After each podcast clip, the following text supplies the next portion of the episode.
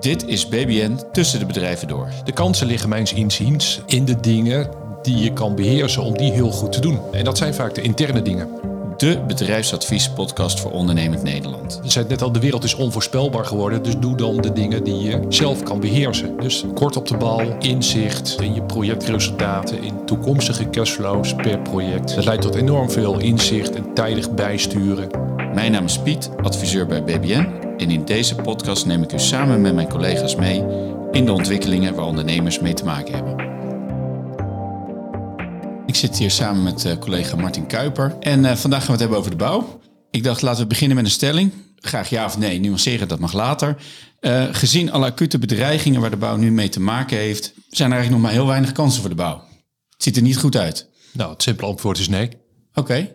Ben ik het niet mee eens. Niet mee eens. Nou, dat is in ieder geval een duidelijke stelling. Eerst eens even kijken naar die bedreiging. Wat, wat zien we nou gebeuren in de markt op dit moment?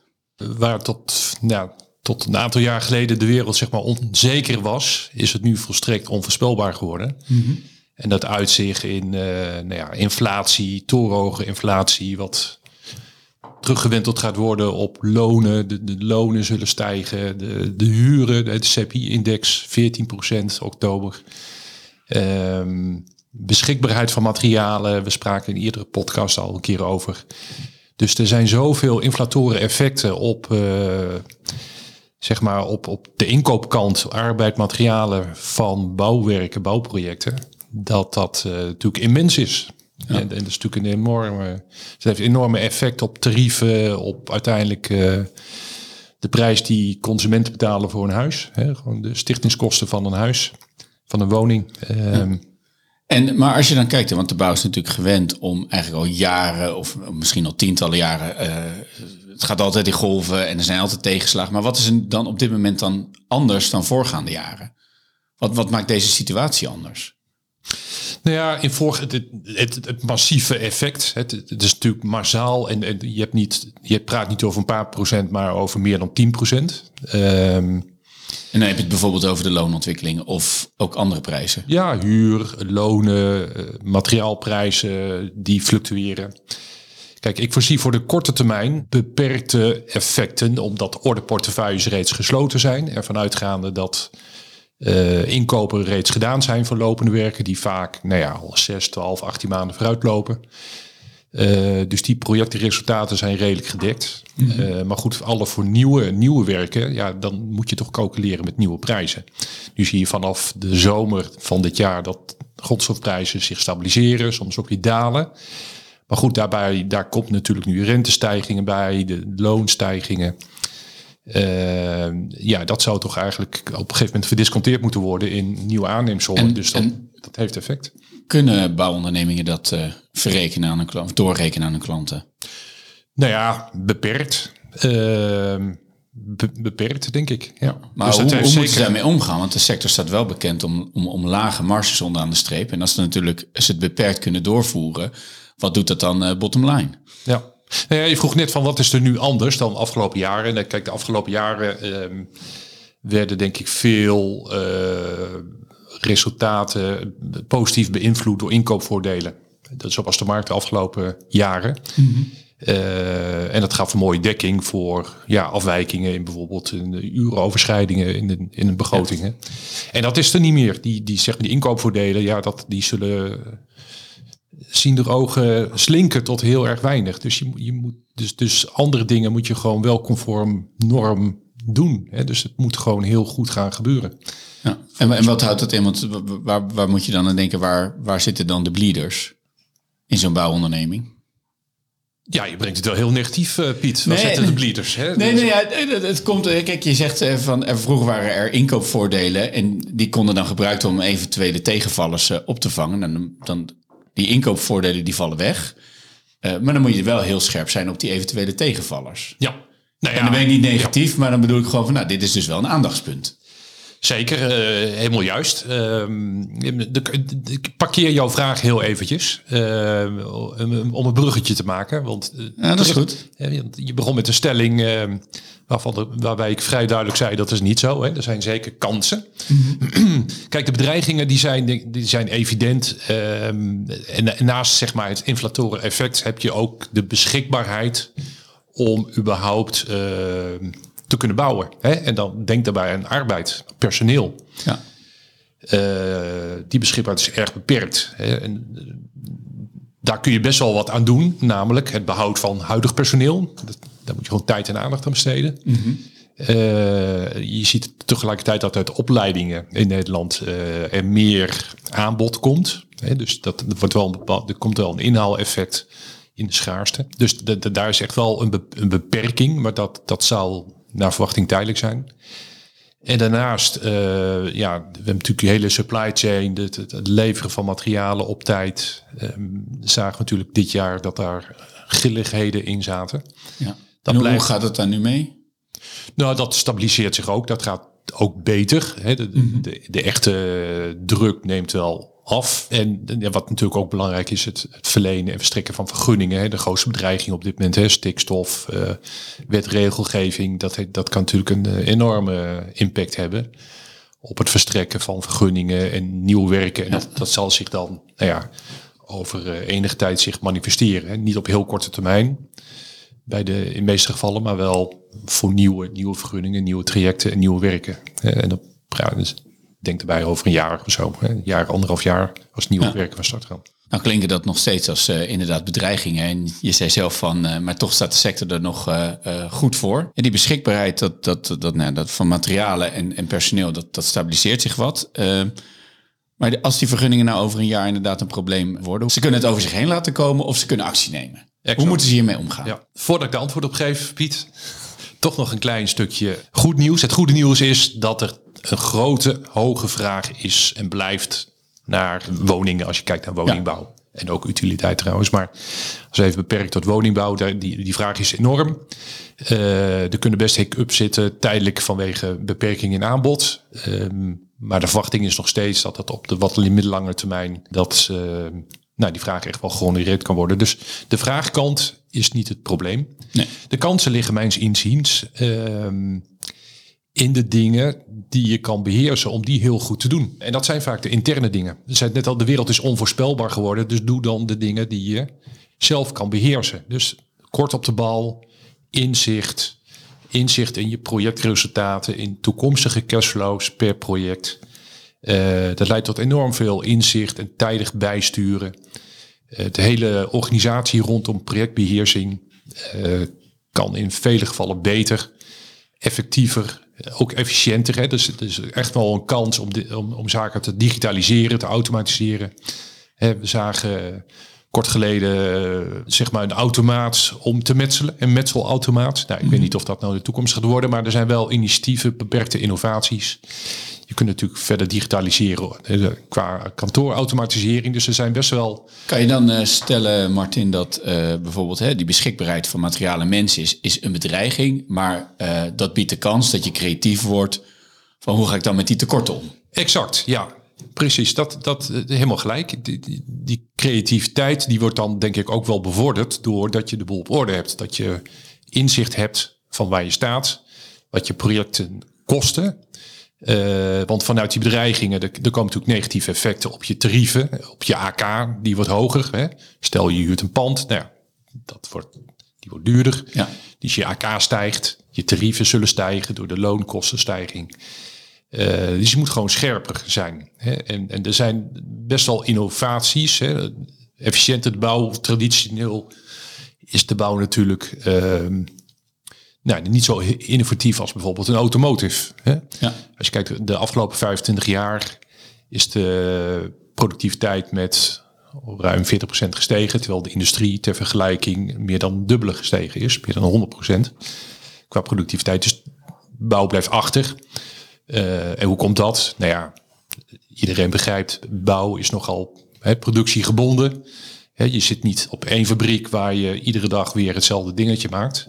Ja. Waar je makkelijk kan of makkelijker kan innoveren. Dat is bij de bouw wat, uh, wat lastiger natuurlijk. Uh, desalniettemin, creativiteit uh, wordt zeker wel gestimuleerd door de huidige noodzaak tot, nou ja, tot scherpte en tot, tot beheersing van je marge. Ja, dus, dus aan de ene kant gaat het inderdaad van je moet je processen je bestaande proces eigenlijk nog beter onder controle krijgen. Om te zorgen dat in ieder geval, nou ja, ik, ik noemde het aan het begin van het gesprek, uh, tegenvallers in, uh, in, in projecten, tegenvallers in de bouw. Dus hey, die, die vraag wil ik even parkeren. Um, maar door eigenlijk goede sturing en verminderen van die tegenvallers kan je al omgaan met, met, met de prijsinflatie, met de beschikbaarheid. Maar is, is, is het goed onder controle houden? Is dat voldoende om, uh, laat ik zeggen, die, die, die ontwikkelingen uh, uh, het hoofd te bieden? Of, of nou moet ja, daar inderdaad echt wel innovatie overheen? De, en, en denk ik, kijk, je kunt niet alleen ja, door, door, het, door inzicht en controle um, ga je de negatieve marge-effecten natuurlijk niet helemaal te lijf. Hè. De, de, hooguit wat je nu intern laat liggen, dat, dat vermijd je dan. Dus dat, wordt, dat leidt tot een verbetering. Mm -hmm. uh, tegelijkertijd moet je blijven werken aan creatieve oplossingen, aan, aan scherpte. Aan, hè, maar denk daarbij bijvoorbeeld aan samenwerkingen, hè, strategische samenwerking, partnerships. Ik denk dat het ook heel belangrijk is, een van de lessen om, een van, van de voorbeelden van scherp is dat je scherp bent op je strategie. En wat bedoel je daarmee? Nou, dat je uh, niet alleen kijkt naar de dag van vandaag en morgen, maar ook vooruit. Dat je periodiek scant wat in de externe wereld gebeurt. En dat je daar je organisatie op aanpast en je maatregelen neemt. Ja. Je in, in, in jouw ervaring zijn ondernemers in de bouw bezig met de strategie in de komende jaren? Of zijn bouwers vooral bezig met de lopende projecten? Ja, de vraag stellen. Hè? Daar stel ik hem ook. Ja. Nou ja, de bouwers die ik ken, die zijn steeds meer bezig met toch vooruitkijken. En dat is in het begin een beetje onwennig, maar daarna uh, vinden ze het erg leuk. Ja. En uh, waar je tot, tot uh, zeg maar een aantal jaar geleden misschien een, één keer in een paar jaar een strategische sessie hield. Is dat, is dat nu een aantal keren per jaar. En, en, en als je dan naar zo'n strategie-sessie kijkt, wat zijn dan onderwerpen die op zo'n agenda staan van zo'n strategie-sessie? Nou, personeel. Ja. op dit moment is echt personeel, het, het krijgen, het behouden, de, de verwachte loonstijging, wat dat doet met je marge, dat, dat, is, dat is een enorme bedreiging. Ja. Enorme bedreiging, is een vergrijzing, een, een nieuw aanbod. Uh, en daar moet je toch eens rustig over nadenken met uh, binnen een directieteam, binnen een managementteam van een bouwbedrijf. Van joh, kun je dat nou tegengaan? Wat kun je daar nou aan doen? Nou, dat is mijn stelling. Hè. Je kunt daar best heel veel aan doen. En dat heeft ook duurzaam effect. Um, en wat zijn andere dingen? Want je zegt personeel staat op die agenda natuurlijk van zo'n strategieoverleg met zo'n bouwer. En wat zijn andere elementen die in zo'n overleg naar voren komen? Nou ja, de, de, zeg maar hoe je binnen een bedrijf samenwerkt. Hè. Vooral de projectorganisatie en de, de kostenbewaking, uh, het inzicht, het, het uh, efficiënter maken van systemen. Mm -hmm. die hele bewaking, die hele projectorganisatie. Um, ja, daar zitten toch wel vaak uh, verbetermogelijkheden om te komen tot uh, nou, actief, een betere beheersing. En, en wordt er dan ook met zo'n bouwer gekeken bijvoorbeeld naar, uh, want, want, want dit zijn natuurlijk ook interne items in zo'n bouwonderneming, hè, het personeel en de processen, maar bijvoorbeeld ook naar marktontwikkeling en om, ik noem even iets als voorbeeld, bepaalde zaken wel of niet te blijven doen in de toekomst. Dus dat je ook je propositie aanpast. Exact, ja. Um, Zo'n zo strategische sessie is juist heel goed uh, om ook eens te duiden van wat doe je nou niet. Hè? En dat geldt niet alleen voor bouwbedrijven, dat geldt eigenlijk voor iedere onderneming. Ondernemers hebben vaak moeite om, om, om nee te zeggen. Ja, maar goed, zonder, uh, zonder nee is er geen ja in het leven. Ja. Hè? Dat weten we allemaal. Maar moeten we wel naar handelen. En, en voor, voor bouwers, aannemers de, ja, die zijn van oudsher gewend om ja te zeggen. Mm um, terwijl het juist heel goed is om daarover na te denken wanneer je nee gaat zeggen. En juist daarin ligt wel een kracht, omdat je dan toch potentiële problemen misloopt, vermijdt. Ja. En, en, dat je ehm, echt richt op de zaken waar je ook echt sterk in bent. Ja, en dat is een stukje waarvan je, we hadden het net even over van wat, wat is er nu anders? Hè? Wat kun je nou vermijden? Want je hebt natuurlijk al die inflatoire druk en, en die prijsstijgingen. Nou ja, dat is dan een stukje, nou ja, zeg maar faalkosten of, of uh, verkapte verliezen die je eigenlijk leidt omdat je iets doet waar je eigenlijk helemaal niet goed in bent. Stel, je bent goed in projectmatig bouwen en plotseling ga je een, een oud pand restaureren. Nou ja, ieder zijn vak, dat, dat gaat niet, dat, dat leidt tot inefficiënties en, en, uh, en verborgen kosten. En dus daar moet je van tevoren goed over nadenken van als er een kans komt, wat is mijn strategische kapstok? En wat doe ik wel en vooral wat doe ik niet? En dat, dat leidt tot duidelijkheid. En die duidelijkheid, nou ja, dat die keert zich ook eh, binnen een bedrijf. Dat kun je ook weer gebruiken om te communiceren naar medewerkers, zodat medewerkers ook weten van ja, we gaan naar links en we gaan niet naar rechts. Ja. En, en, en wellicht ook externe stakeholders inderdaad, dat gewoon iedereen weet van hé, hey, ja, dit maar daardoor, bedrijf, precies. hier staat het bedrijf voor en hier gaat het bedrijf naartoe. Ja. Maar goed, dat leidt uiteindelijk tot een effectievere organisatie. Ja. En uiteindelijk ook tot meer efficiëntie. En dat is wat je dag na dag naar op zoek bent, dat je het steeds efficiënter moet. We hebben nu natuurlijk eenmalig, hopelijk tijdelijk, dat enorme effect. Maar door daar continu mee bezig te zijn, te beginnen met je strategie en je innovaties en misschien ook wel andere strategische opties, kunnen we het zo meteen nog even over hebben. Maar waardoor je toch kosten uit de keten haalt en, en uh, scherper bent, meer inzicht, uh, creatiever. Uh, en da daarmee kun je toch je, je, je marge toch weer behouden op termijn. Dus daarom ook mijn antwoord van er zijn zeker kansen achter deze bedreigingen. Die bedreigingen leiden tot een momentum, tot acuut, tot acuut ingrijpen, mm alarmfase. Uh, maar dat, daar heb je straks dag in dag uit weer profijt van. Ja, en nou, even dan inderdaad, want je zei van die, die strategische opties, maar wat zijn dan uh, strategische opties? We hebben natuurlijk stikstofprobleem, duurzaamheid. Dat zou ook een bepaalde transitie tot gevolg hebben. Hè.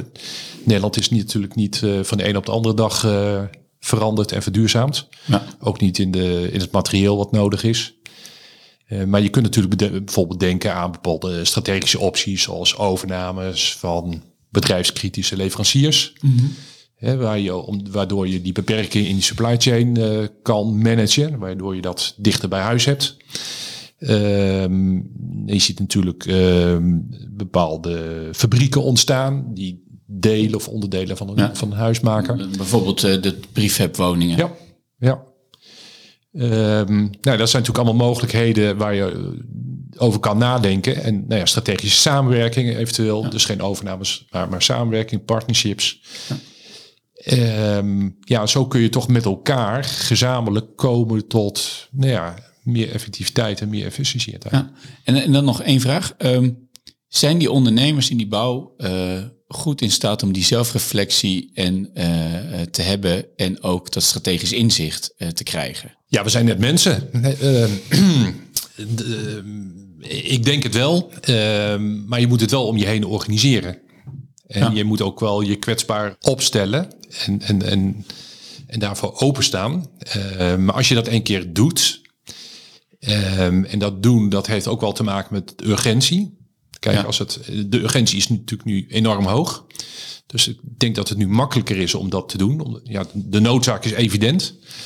Uh, en als je dat een keer doet, blijkt daarna dat, dat ondernemers dat blijven doen. Omdat ja. dat tot enorm veel nou ja, voordelen leidt uiteindelijk. Ja. En ik, ik, snap ook wel dat je een setje nodig hebt. Maar het, het setje is nu natuurlijk nu een, een, massieve golf in de economie met een aanstaande recessie. Ja.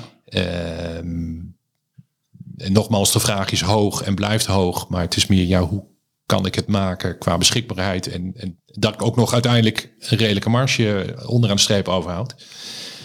Dus die noodzaak is enorm. Dus ik denk wel dat heel veel ondernemers, als dat al niet doen, dat, dat zeker gaan doen. Ja. En dan uh, wellicht ook met hulp van, van buitenaf om ook extern inzicht te krijgen en even dat setje om daarover te gaan nadenken. Ik denk dat je dat als ondernemer vooral moet, ja, precies. Dus je, zit natuurlijk in de, de dagdagelijkse tunnel. Uh, dus externe ogen dwingen altijd. Hè? Dus dat, maar dan moet je om je heen organiseren. En, uh, en je kwetsbaar opstellen. En dan kun je echt wel uiteindelijk ook weer in de bouw een goede boterham verdienen. Nou, uh, goed om te horen dat uh, ondanks uh, wat er gebeurt in de markt, dat er zeker voldoende en goede kansen zijn voor de bouwsector. Dankjewel Martin. Graag gedaan. Deze podcast werd mogelijk gemaakt door BBN Business Improvement. Wij ondersteunen ondernemers bij overnames en bedrijfsfinancieringen. Wilt u sparren over uw eigen situatie? Neem dan gerust contact op met BBN Business Improvement.